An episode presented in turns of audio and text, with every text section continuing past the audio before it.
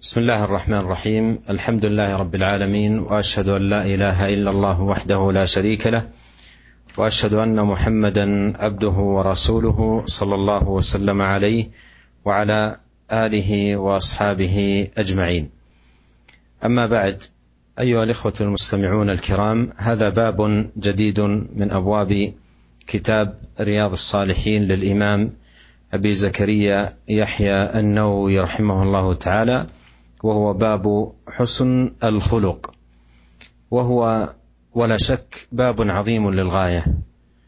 وكلما كان المرء متمتعا بمحاسن الأخلاق وجميلها وكريمها كلما كان ذلك أرفع في درجاته وأعلى في منازله.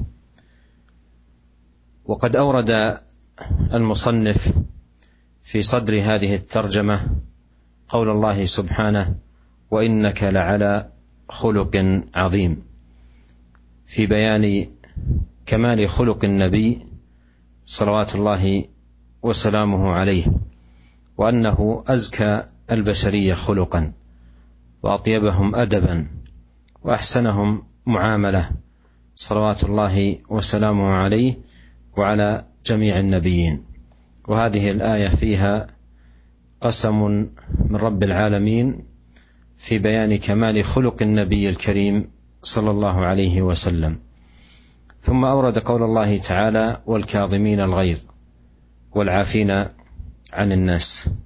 وهذا أكمل ما يكون في باب الأخلاق. لأن إحسانك لمن يحسن إليك ومعاونتك لمن يعاونك واكرامك لمن يكرمك أمر مقدور عليه عند أكثر الناس. أما النهوض بالخلق إلى هذا المستوى الرفيع بكظم الغيظ والعفو عن الناس وأن تحسن إلى من ظلمك وأن تعفو عمن أساء إليك فهذا أكمل ما يكون في تحقيق الأخلاق وتتميمها. Bismillahirrahmanirrahim. Alhamdulillah segala puji dan syukur kita panjatkan kehadirat Allah Subhanahu wa taala. Salawat dan salam semoga senantiasa tercurahkan kepada suri teladan kita, junjungan kita Nabi Muhammad sallallahu alaihi wasallam dan juga uh, kerabat beliau serta seluruh sahabat beliau tanpa terkecuali. Para pendengar dan para pemirsa yang dirahmati oleh Allah Subhanahu wa taala, kita masuk dalam bab yang baru dari kitab Riyadhus Shalihin karya Al-Imam Nawawi rahimahullahu taala yaitu bab tentang husnul khuluq tentang akhlak yang mulia. Tentunya tidak diragukan lagi bahwasanya bab ini, bab tentang akhlak yang mulia merupakan bab yang sangat agung. Karena seseorang semakin dia menghiasi dirinya dengan akhlak yang mulia, semakin dia menampakkan akhlak yang mulia, maka semakin pula tinggi kedudukannya dan tinggi derajatnya di sisi Allah Subhanahu wa taala.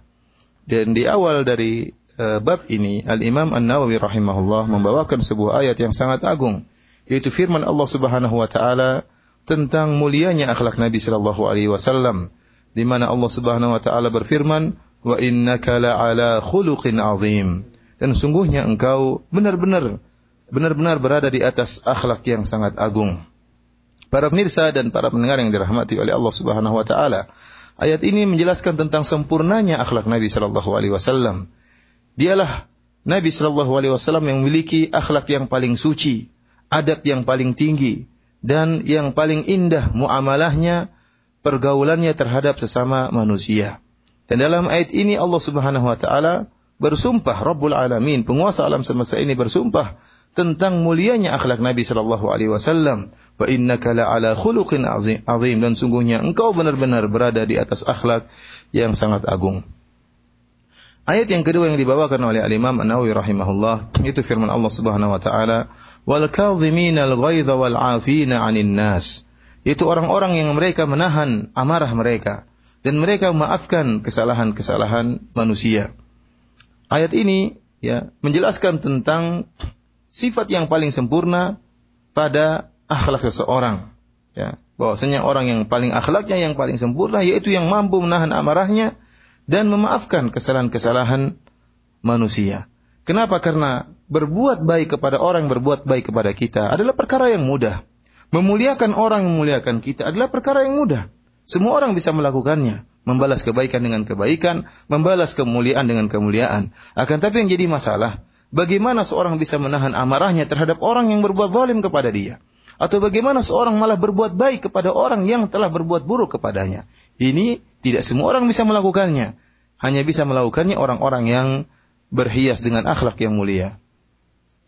ثم أورد رحمه الله تعالى حديث أنس بن مالك رضي الله عنه قال كان رسول الله صلى الله عليه وسلم احسن الناس خلقا متفق عليه وهذا فيه اخبار عن كمال خلق النبي صلوات الله وسلامه عليه وأنه تمم مكارم الأخلاق وأكملها. فما من خلق كريم ولا وصف نبيل عظيم إلا وقد كمله نبينا الكريم عليه الصلاة والسلام. فكان أسوة وقدوة للعالمين. في الأخلاق كلها والآداب جميعها. كما قال الله سبحانه وتعالى لقد كان لكم في رسول الله أسوة حسنة لمن كان يرجو الله واليوم الآخر وذكر الله كثيرا. Kemudian Al-Imam An-Nawawi rahimahullah membawakan uh, hadis-hadis uh, yang menjelaskan tentang mulianya atau pentingnya berakhlak yang mulia. Yang pertama dari hadis Anas bin Malik radhiyallahu taala anhu, beliau berkata, "Kana Rasulullah sallallahu alaihi wasallam ahsanin nasi khuluqan." Nabi sallallahu alaihi wasallam, Rasulullah sallallahu alaihi wasallam adalah orang yang paling baik akhlaknya. Muttafaqun alaihi. Diriwayatkan oleh Imam Bukhari dan Imam Muslim. Dalam hadis ini menjelaskan tentang atau pengkabaran dari Anas bin Malik tentang sempurnanya akhlak Nabi Shallallahu Alaihi Wasallam dan bahwasanya Nabi Shallallahu Alaihi Wasallam telah menyempurnakan akhlak-akhlak yang mulia. Tidak ada satu akhlak pun, ya, tidak ada satu ya perangai pun yang baik kecuali Nabi Wasallam telah menyempurnakannya dalam diri Nabi Shallallahu Alaihi Wasallam. Oleh karenanya Nabi Shallallahu Alaihi Wasallam merupakan uswah, merupakan kudwah, merupakan teladan, merupakan contoh bagi seluruh manusia di atas muka bumi ini. Ya tentang masalah akhlak. Tidak ada satu akhlak pun yang baik kecuali sempurna dalam diri Nabi sallallahu alaihi wasallam. Oleh karenanya Allah Subhanahu wa taala berfirman, "Laqad kana lakum fi Rasulillahi uswatun hasanah liman kana yarjullaha wal yawmal akhir." Kata Allah Subhanahu wa taala, sungguh sungguh telah ada pada diri Rasulullah sallallahu alaihi wasallam contoh bagi kalian, ya. Yaitu bagi siapa orang-orang ya yang mengharapkan pertemuan dengan Allah dan hari akhirat. ثم أورد رحمه الله حديث انس بن مالك رضي الله عنه قال ما مسست ديباجا ولا حريرا الين من كف رسول الله صلى الله عليه وسلم. ولا شممت رائحة قط أطيب من رائحة رسول الله صلى الله عليه وسلم. ولقد خدمت رسول الله صلى الله عليه وسلم عشر سنين فما قال لي قط أف ولا قال لشيء فعلته لم فعلته ولا لشيء لم أفعله ألا فعلت كذا؟ متفق عليه. وهذا الحديث كسابقه في بيان كمال خلق النبي عليه الصلاة والسلام كمال خلقه عليه الصلاة والسلام وطيب عشرته وحسن معاملته وجمال تودده وتلطفه. صلوات الله وسلامه عليه. وقد قال الله تعالى فبما رحمة من الله لنت لهم. ولو كنت فظا غليظ القلب لانفضوا من حولك. ومن كمال خلقه عليه الصلاة والسلام تعامله مع الخادم الذي جرت عادة أكثر الناس التعامل معه بشيء من الامتهان أو الاحتقار أو الانتقاص أو نحو ذلك. فكان عليه الصلاة والسلام في أتم ما يكون ادبا وخلقا وتعاملا. وها هو أنس رضي الله عنه يقول خدمت رسول الله صلى الله عليه وسلم عشر سنين فما قال لي قط أف. أي لم تصدر منه هذه الكلمة مرة واحدة ولا مرة واحدة لخادمه صلوات الله وسلامه عليه. ولا قال لشيء فعلته لما فعلته ولا لشيء لم أفعله ألا فعلت كذا. وكل ذلكم من الشواهد والدلائل على كمال خلق نبينا صلى الله عليه وسلم Kemudian Al Imam An-Nawawi rahimahullah membawakan sebuah hadis yang diriwayatkan juga dari Anas bin Malik radhiyallahu taala anhu. Beliau berkata, "Aku tidak pernah menyentuh tenunan kain sutra ataupun aku tidak pernah menyentuh kain sutra yang lebih lembut daripada tangan Rasulullah sallallahu alaihi wasallam. Dan aku tidak pernah mencium ya uh, suatu bau ya yang lebih yang lebih harum daripada ya harumnya Rasulullah sallallahu alaihi wasallam. Sungguh aku telah membantu atau menjadi pembantu Rasulullah sallallahu alaihi wasallam asyara sinin selama 10 tahun. Aku telah berkhidmah melayani Rasulullah sallallahu alaihi wasallam selama 10 tahun. Fama qala li qad uf. Dan Nabi sallallahu alaihi wasallam sama sekali tidak pernah berkata kepadaku uf yaitu ah, yaitu kalimat yang menunjukkan kekesalan. Tidak pernah Rasulullah SAW mengucapkan kalimat tersebut wala qala li syai'in fa'altuhu lima fa'altahu. Dan Nabi sallallahu alaihi wasallam tidak pernah berkata kepada sesuatu yang aku kerjakan dengan perkataannya, "Kenapa kau mengerjakan hal ini?" Wala li syai'in lam af'aluhu ala fa'alta kadza. Demikian juga Rasulullah sallallahu alaihi wasallam selama 10 tahun tidak pernah berkata kepada suatu perkara yang tidak aku kerjakan lantas beliau berkata, "Kenapa kau tidak mengerjakan hal ini?" Muttafaqun alaih diriwayatkan oleh Al-Imam Al-Bukhari dan Al-Imam Muslim. Para pemirsa dan para pendengar yang dirahmati oleh Allah Subhanahu wa taala, hadis ini sebagaimana hadis yang lalu menjelaskan tentang sempurnanya akhlak Nabi Shallallahu alaihi wasallam dan bagaimana tingginya adab Nabi Shallallahu alaihi wasallam dan bagaimana indahnya muamalah Nabi Shallallahu alaihi wasallam tatkala Rasulullah SAW bergaul dengan sesama manusia. Allah Subhanahu wa taala telah berfirman, "Fabima rahmatin minallahi lintalahum walau kunta faddan ghalidhal qalbi lam faddu min hawlik." Kata Allah Subhanahu wa taala dan karena karunia Allah Subhanahu wa taala dan karena rahmat Allah Subhanahu wa taala lintalahum maka engkau pun menjadi lembut terhadap mereka wahai Rasulullah sallallahu alaihi wasallam. Kalau seandainya engkau keras ya, kasar terhadap mereka lam faddu min haulik maka mereka akan lari dari engkau wahai Rasulullah. Dan di antara sempurnanya, bukti sempurnanya akhlak Nabi sallallahu alaihi wasallam yaitu bagaimana sikap Nabi sallallahu alaihi wasallam ya terhadap pembantu, Anas bin Malik radhiyallahu taala anhu menjadi pembantu Nabi Shallallahu alaihi wasallam selama 10 tahun dan kebiasaan orang-orang, adatnya orang-orang, tradisi orang-orang, mereka tatkala bergaul dengan pembantu, bersikap dengan pembantu, sikap mereka adalah merendahkan, menghina, ya, menjatuhkan, ya namanya pembantu. Biasanya direndahkan dan dihinakan. Akan tapi Nabi Shallallahu alaihi wasallam sebaliknya. Nabi Shallallahu alaihi wasallam bermuamalah, bergaul dengan pembantu dengan sesempurna akhlak yang sangat mulia. Oleh karenanya Anas bin Malik radhiyallahu taala mengatakan dalam hadis ini dengan sesuatu yang sangat menakjubkan. Beliau mengatakan, "Aku telah berkhidmah, telah melayani Rasulullah SAW selama 10 tahun." Dan sama sekali Rasulullah SAW satu kali pun tidak pernah mengatakan uf. Ya, selama 10 tahun bekerja melayani Nabi SAW, Rasulullah SAW tidak pernah protes, tidak pernah mengucapkan satu kalimat yang menunjukkan kekesalan. Ah, uf, tidak pernah. Kemudian tidak pernah Rasulullah Shallallahu Alaihi Wasallam mengatakan kepada suatu pekerjaan yang aku kerjakan, Rasulullah SAW mengatakan, kenapa kau kerjakan demikian? Bahkan Rasulullah SAW juga tidak pernah mengatakan kepadaku tentang sesuatu yang aku tidak kerjakan. Ala fa'alta kada? Kenapa engkau tidak mengerjakan demikian? Ini semua menunjukkan ya bukti akan sempurnanya akhlak Nabi sallallahu alaihi wasallam.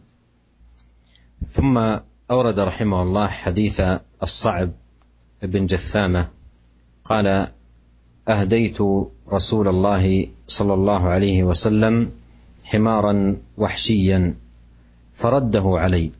فلما رأى ما في وجهي قال أنا لم نرده عليك إلا أن حرم متفق عليه. ومعنى حرم أي محرمون بحج وعمرة. وهذا الحديث شاهد من الشواهد الكثيرة على كمال خلق نبينا الكريم صلى الله عليه وسلم. فمن كمال خلقه مراعاته عليه الصلاة والسلام لتطيب قلوب أصحابه وجبر خواطرهم والتلطف معهم.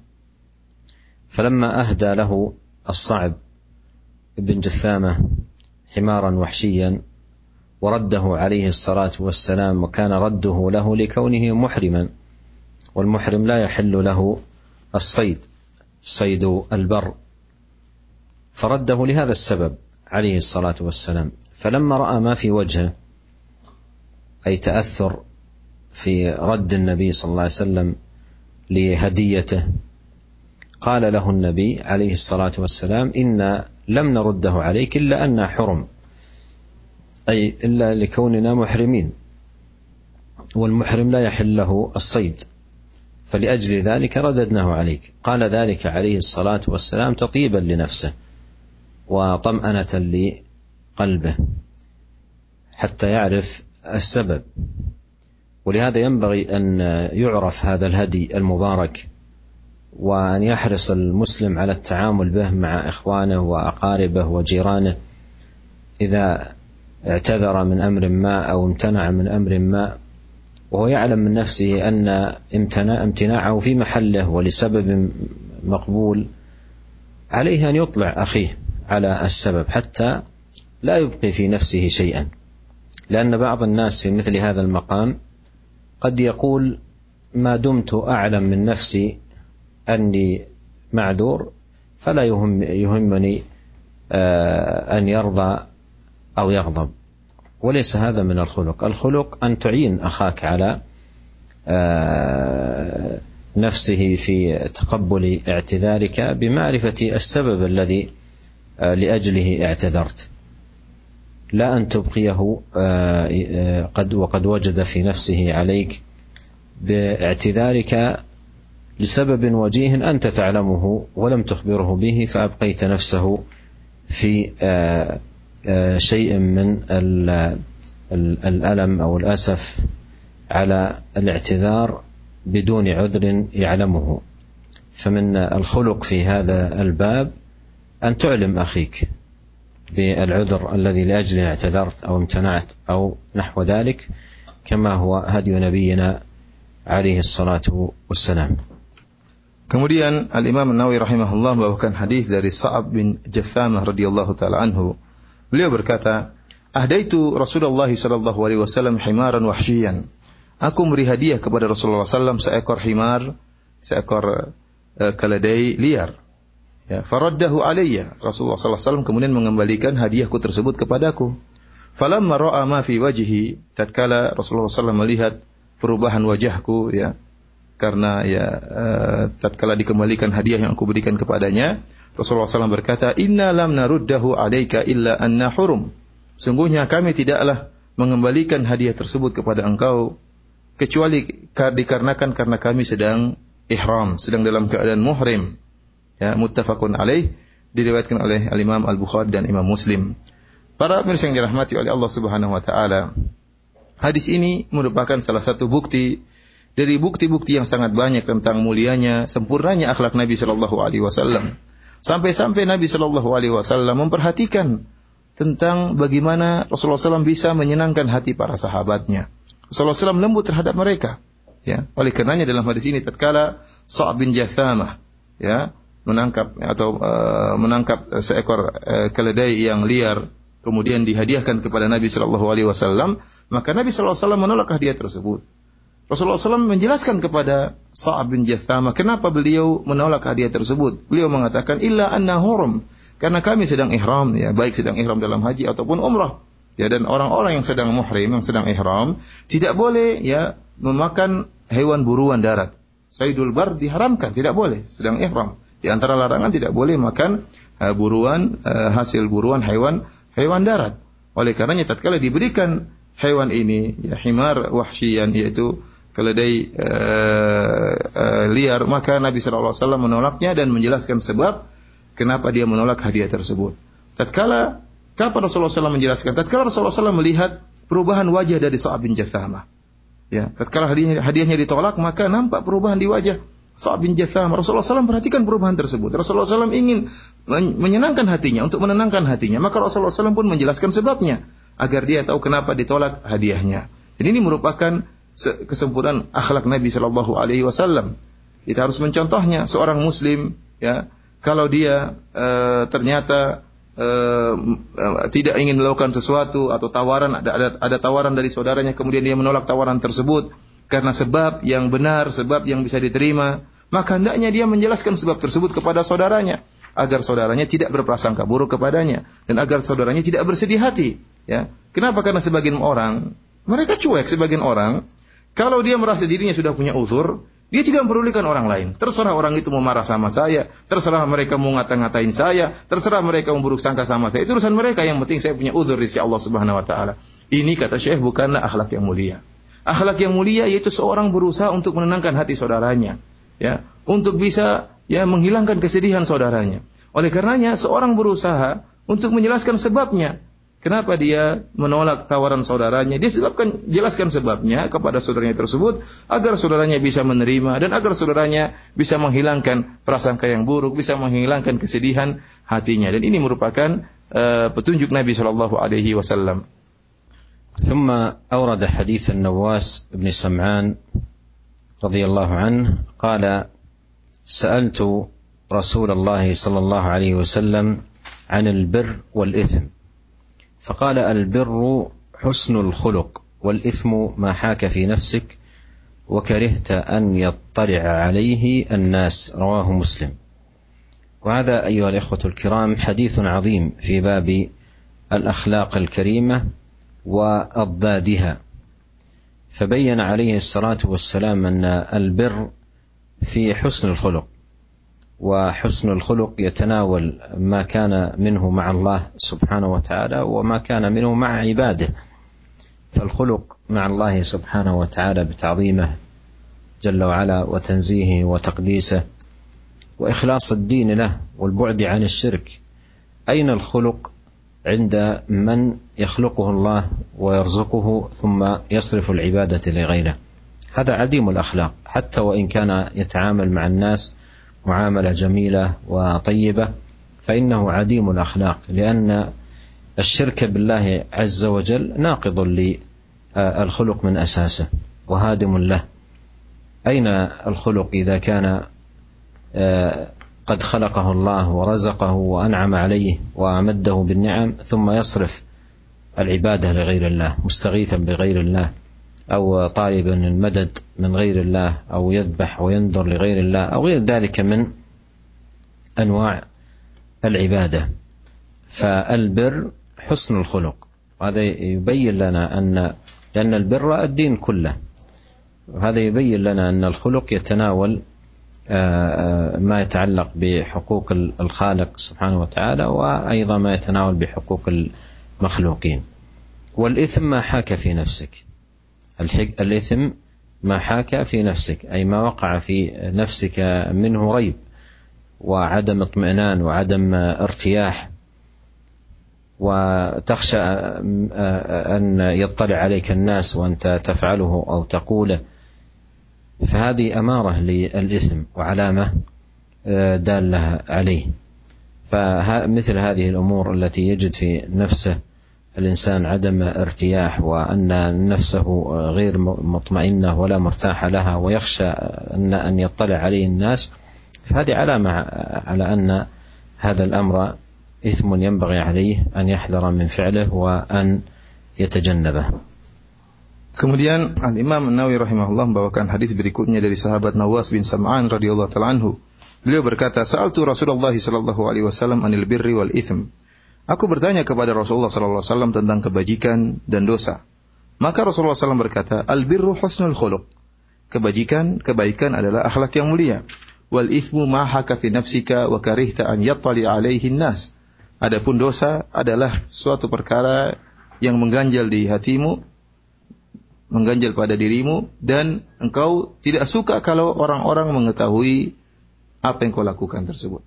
Hadis ini diriwayatkan oleh Imam Muslim dalam sahihnya. Para pemirsa yang dirahmati oleh Allah Subhanahu wa taala, hadis ini merupakan hadis yang agung yang menjelaskan tentang akhlak yang mulia dan juga menjelaskan tentang lawan dari akhlak yang mulia itu dosa. Ya. Dalam hadis ini Nabi sallallahu alaihi wasallam menjelaskan bahwasanya albirru husnul khuluq. Kebajikan itu berada pada akhlak yang mulia. Ya, dari sini kita tahu akhlak yang mulia itu maka nama Allah wa maka nama ibadih. Yaitu akhlak yang berkaitan dengan Allah Subhanahu wa taala dan akhlak yang berkaitan dengan hamba-hamba Allah Subhanahu wa taala karena albir ya kebajikan itu mencakup seluruh bagian dari agama ini, mencakup hak-hak Allah dan juga mencakup hak-hak manusia. Oleh karenanya husnul khuluq, akhlak yang mulia berkaitan dengan hak Allah dan berkaitan juga dengan hak-hak manusia. Ya. Seorang tatkala bagaimana berakhlak baik terhadap Allah yaitu dengan mengagungkan Allah Subhanahu wa taala. ya dengan beribadah kepada Allah Subhanahu wa taala, dengan mengikhlaskan ibadahnya hanya untuk Allah Subhanahu wa taala dan menjauhkan dirinya dari segala bentuk kesyirikan kepada Allah Subhanahu wa taala. Ini akhlak yang mulia terhadap Allah Subhanahu wa taala. Adapun seorang yang berbuat kesyirikan, menyerahkan peribadatan kepada selain Allah Subhanahu wa taala, maka dia bukan orang yang berakhlak kepada Allah Subhanahu wa taala. Bagaimana seorang ya berakhlak kepada Allah Subhanahu wa taala sementara dia berbuat syirik kepada Allah? Allah yang telah menciptakannya, Allah yang telah memberi rezeki kepadanya, Allah yang telah memberi karunia kepadanya, lantas kemudian dia berbuat syirik kepada Allah Subhanahu wa taala. Lantas kemudian dia beristighatsah berdoa kepada selain Allah Subhanahu wa taala. Lantas dia kemudian mengatakan al-madad al-madad pertolongan-pertolongan dia minta kepada makhluk. Minta kepada selain Allah Subhanahu wa taala atau dia menyembelih kepada selain Allah Subhanahu wa taala. Orang ini orang tidak berakhlak. Ya, tidak punya akhlak kepada Allah yang telah menciptakannya, yang maha esa, satu-satunya yang telah menciptakannya, yang telah memberi rezeki kepadanya, kemudian dia menyerahkan ibadah kepada selain penciptanya. Orang ini tidak berakhlak, meskipun dia lembut tutur katanya, lembut akhlaknya terhadap manusia yang lain. Tapi jika dia berbuat kesyirikan, maka dia tidak berakhlak kepada Allah Subhanahu wa taala.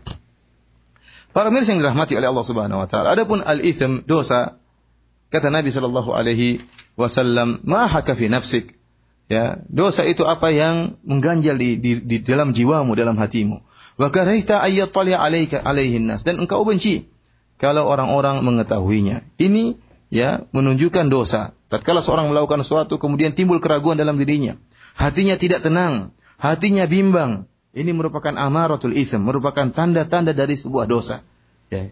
Kalau seorang melakukan sesuatu kemudian hatinya bimbang, hatinya tidak tenang, hatinya gelisah, ini merupakan tanda bahwasanya itu merupakan dosa. Kemudian dia dia dia tidak suka kalau ada orang tahu dia melakukannya.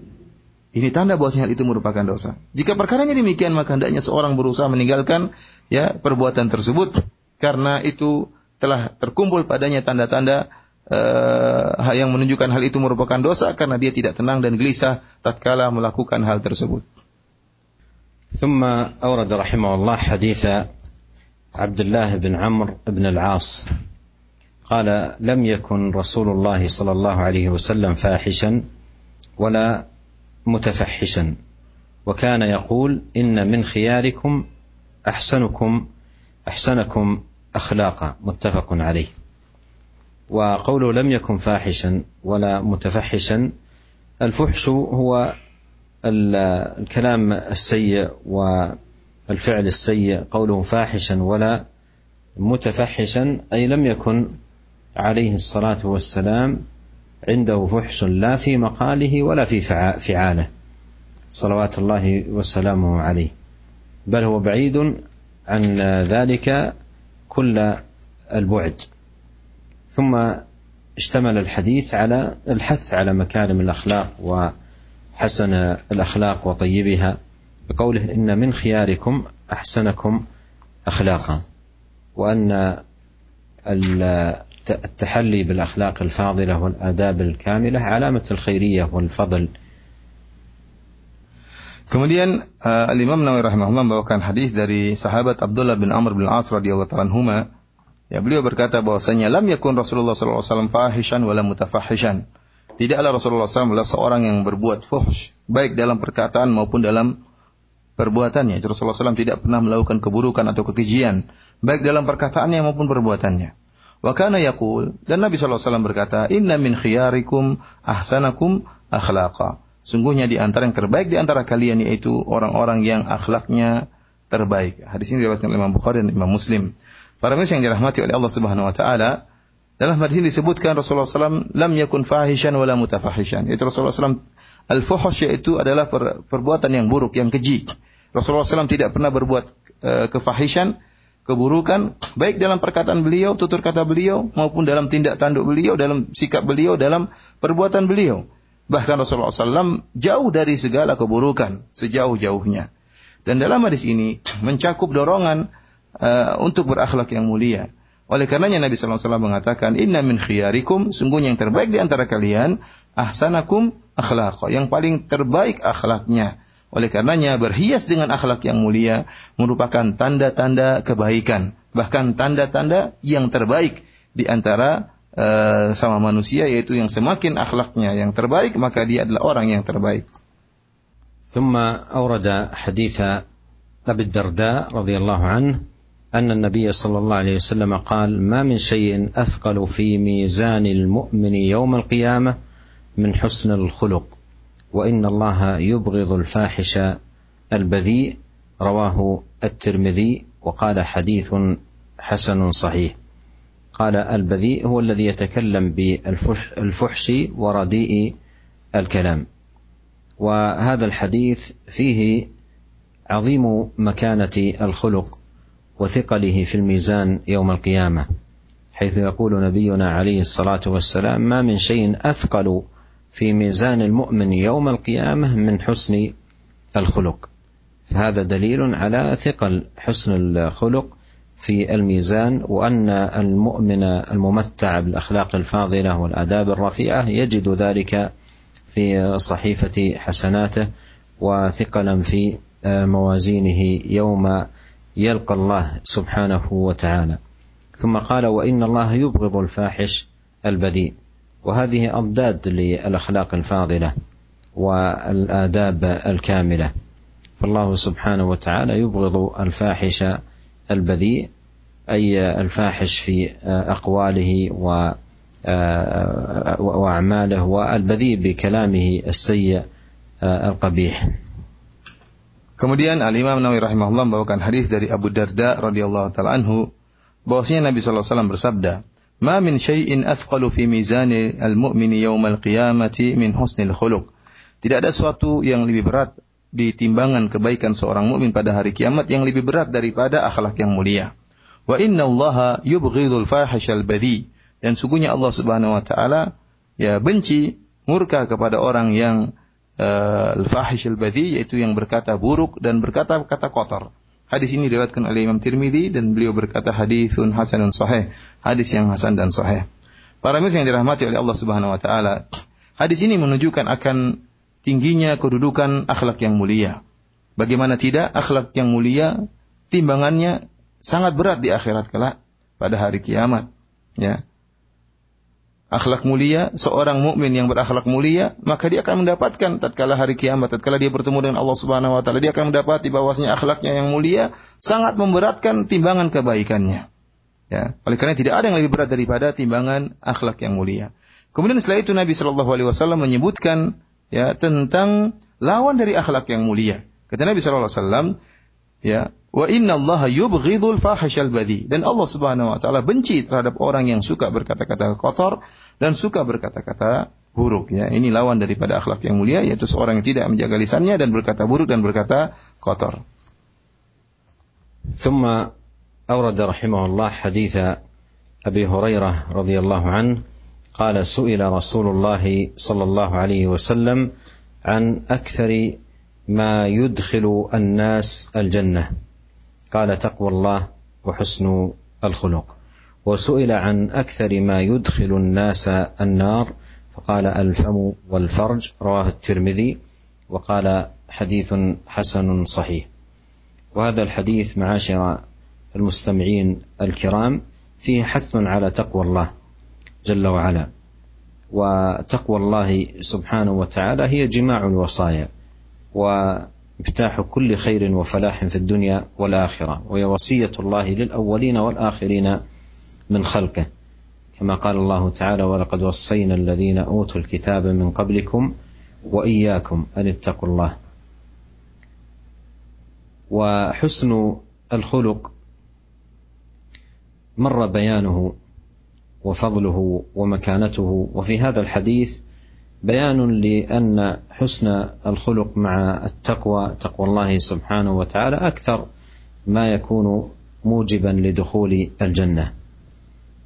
وقد سئل عليه الصلاة والسلام عن أكثر ما يدخل الناس النار فقال الفم والفرج. وهذا فيه خطورة هذين العضوين فم الإنسان وفرجه. وفمه بما يصدر منه من كلام وفرجه بما يقع منه من تعد آثم وفعل حرام.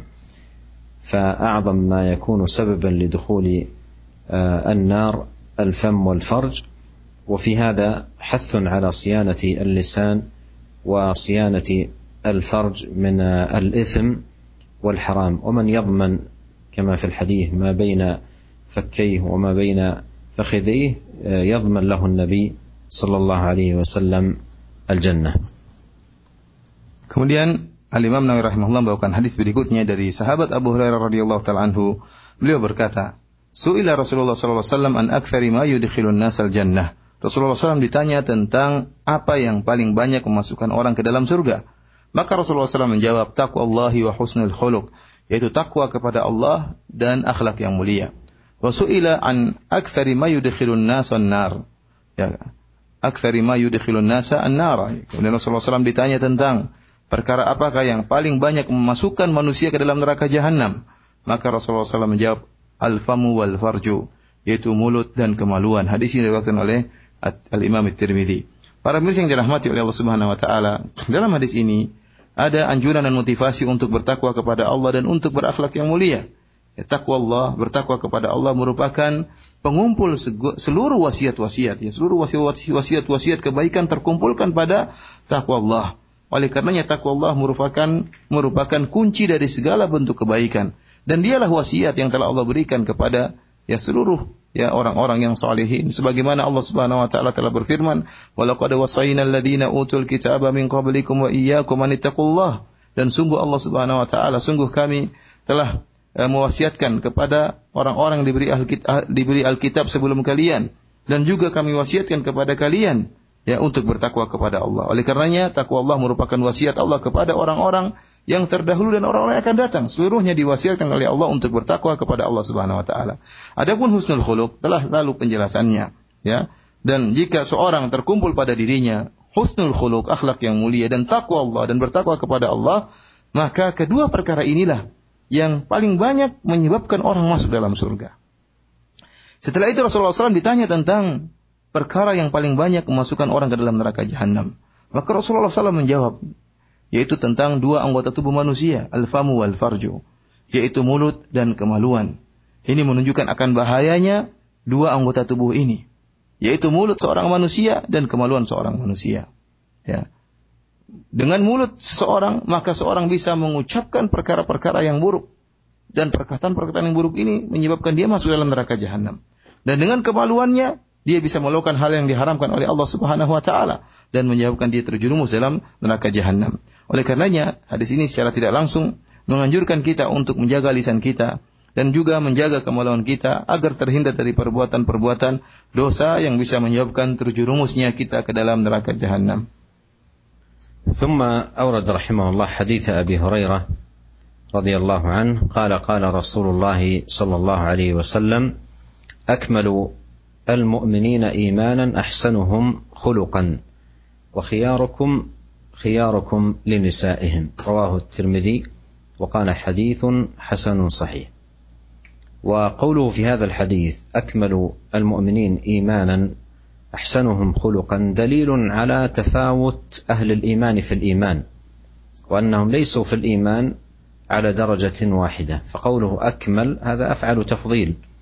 فاهل الإيمان في الايمان ليسوا على درجة واحدة فهم متفاوتون. ثم بين عليه الصلاة والسلام مكانة حسن الخلق وأن من عمل على تتميم خلقه وأدبه فهو أكمل المؤمنين إيمانا.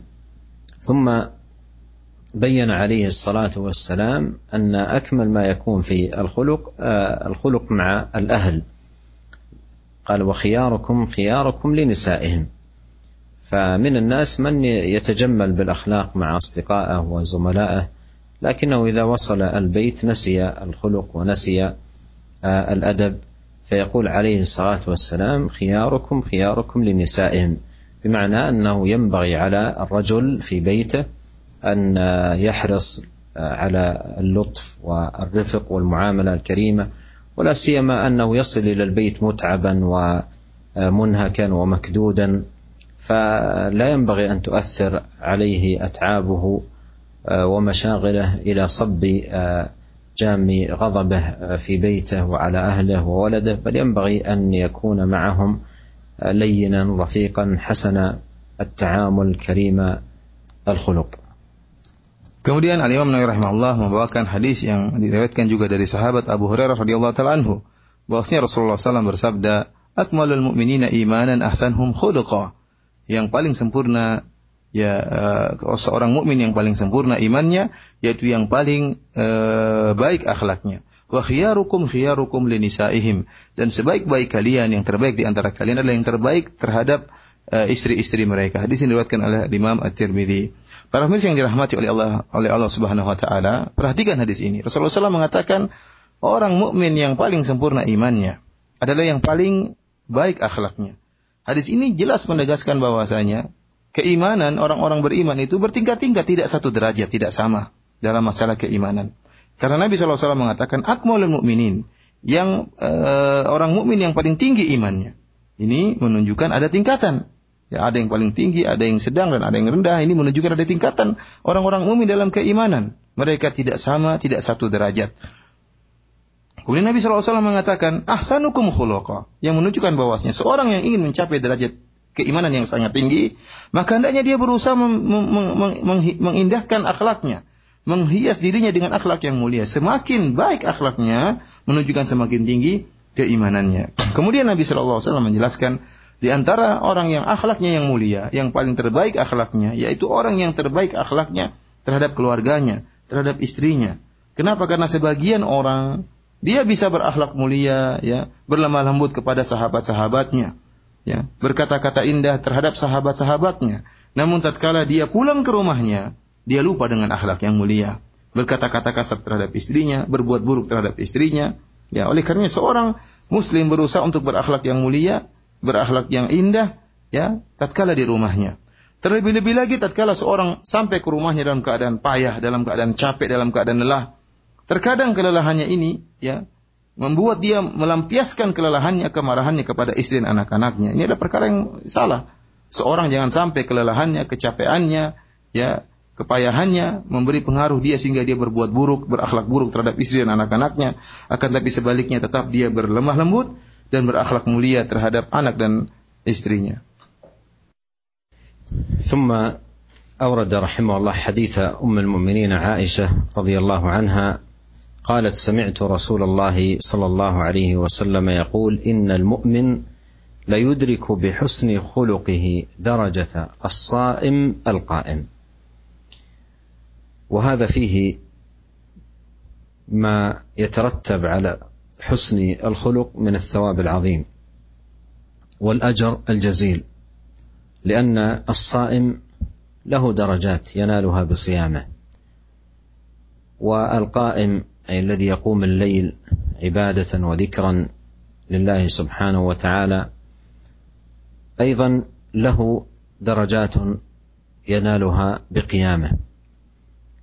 وفي هذا الحديث يخبر عليه الصلاة والسلام بأن حسن الخلق يضاعف لصاحبه الثواب والأجر حتى يبلغ بحسن خلقه درجة الصائم الذي لا يفطر والقائم الذي لا يفتر من القيام مما يدل على المكانة العظيمة والثواب الجزيل الذي يناله المؤمن بحسن خلقه وجميل أدبه. Kemudian Al-Imam Nawawi rahimahullah membawakan hadis dari Ummul Mukminin Aisyah radhiyallahu taala anha. Beliau berkata, aku mendengar Rasulullah SAW bersabda, "Innal mu'mina la yudriku bi husni khuluqihi darajat as-sha'im al-qa'im." Sungguhnya seorang mukmin dengan akhlaknya yang mulia, sungguh dia bisa mendapatkan derajat seorang yang senantiasa berpuasa sunnah dan senantiasa sholat malam. Hadis ini diriwayatkan oleh Abu Daud. Para pemirsa yang dirahmati oleh Allah Subhanahu wa taala, hadis ini menjelaskan tentang ya pahala yang besar yang diraih oleh orang yang berakhlak yang mulia. Pahala yang sangat besar. Perhatikan di sini.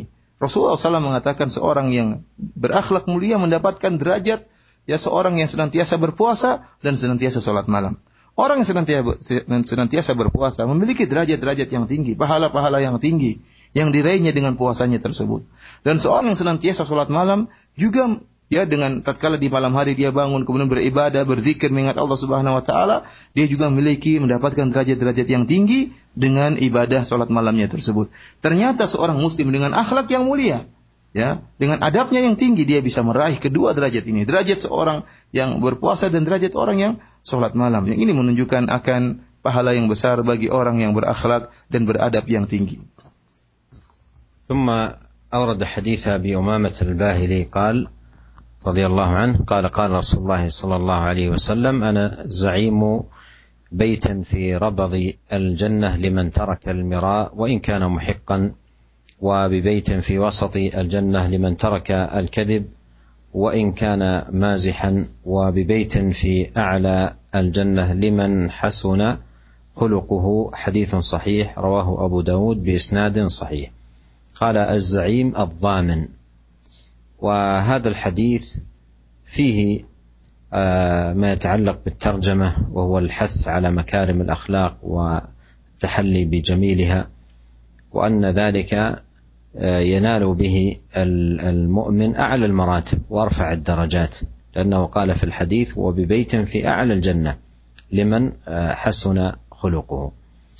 وفيه التحذير من الكذب و ولو كان من باب مزاح لأن النبي صلى الله عليه وسلم قال أنا زعيم بيت في وسط الجنة لمن ترك الكذب وإن كان مازحا. فالكذب لا يليق بالمسلم لا في جد ولا في هزل بل ينبغي أن يحذر منه أشد الحذر.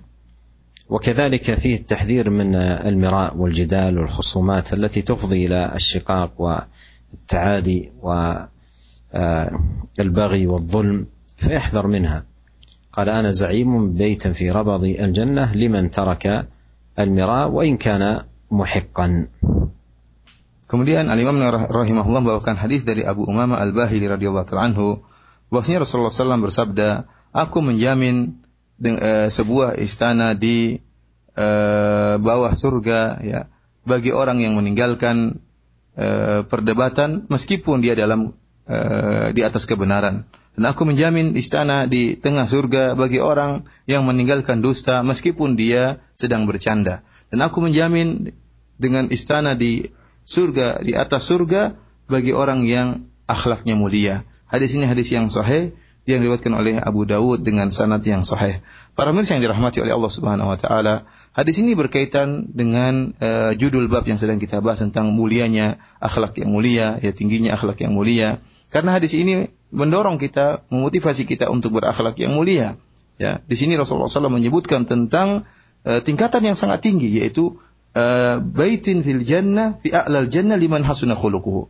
Itu Allah, Rasulullah SAW menjamin tentang uh, istana ya di tempat surga yang paling tinggi di tempat yang paling tinggi di surga bagi orang yang akhlaknya mulia.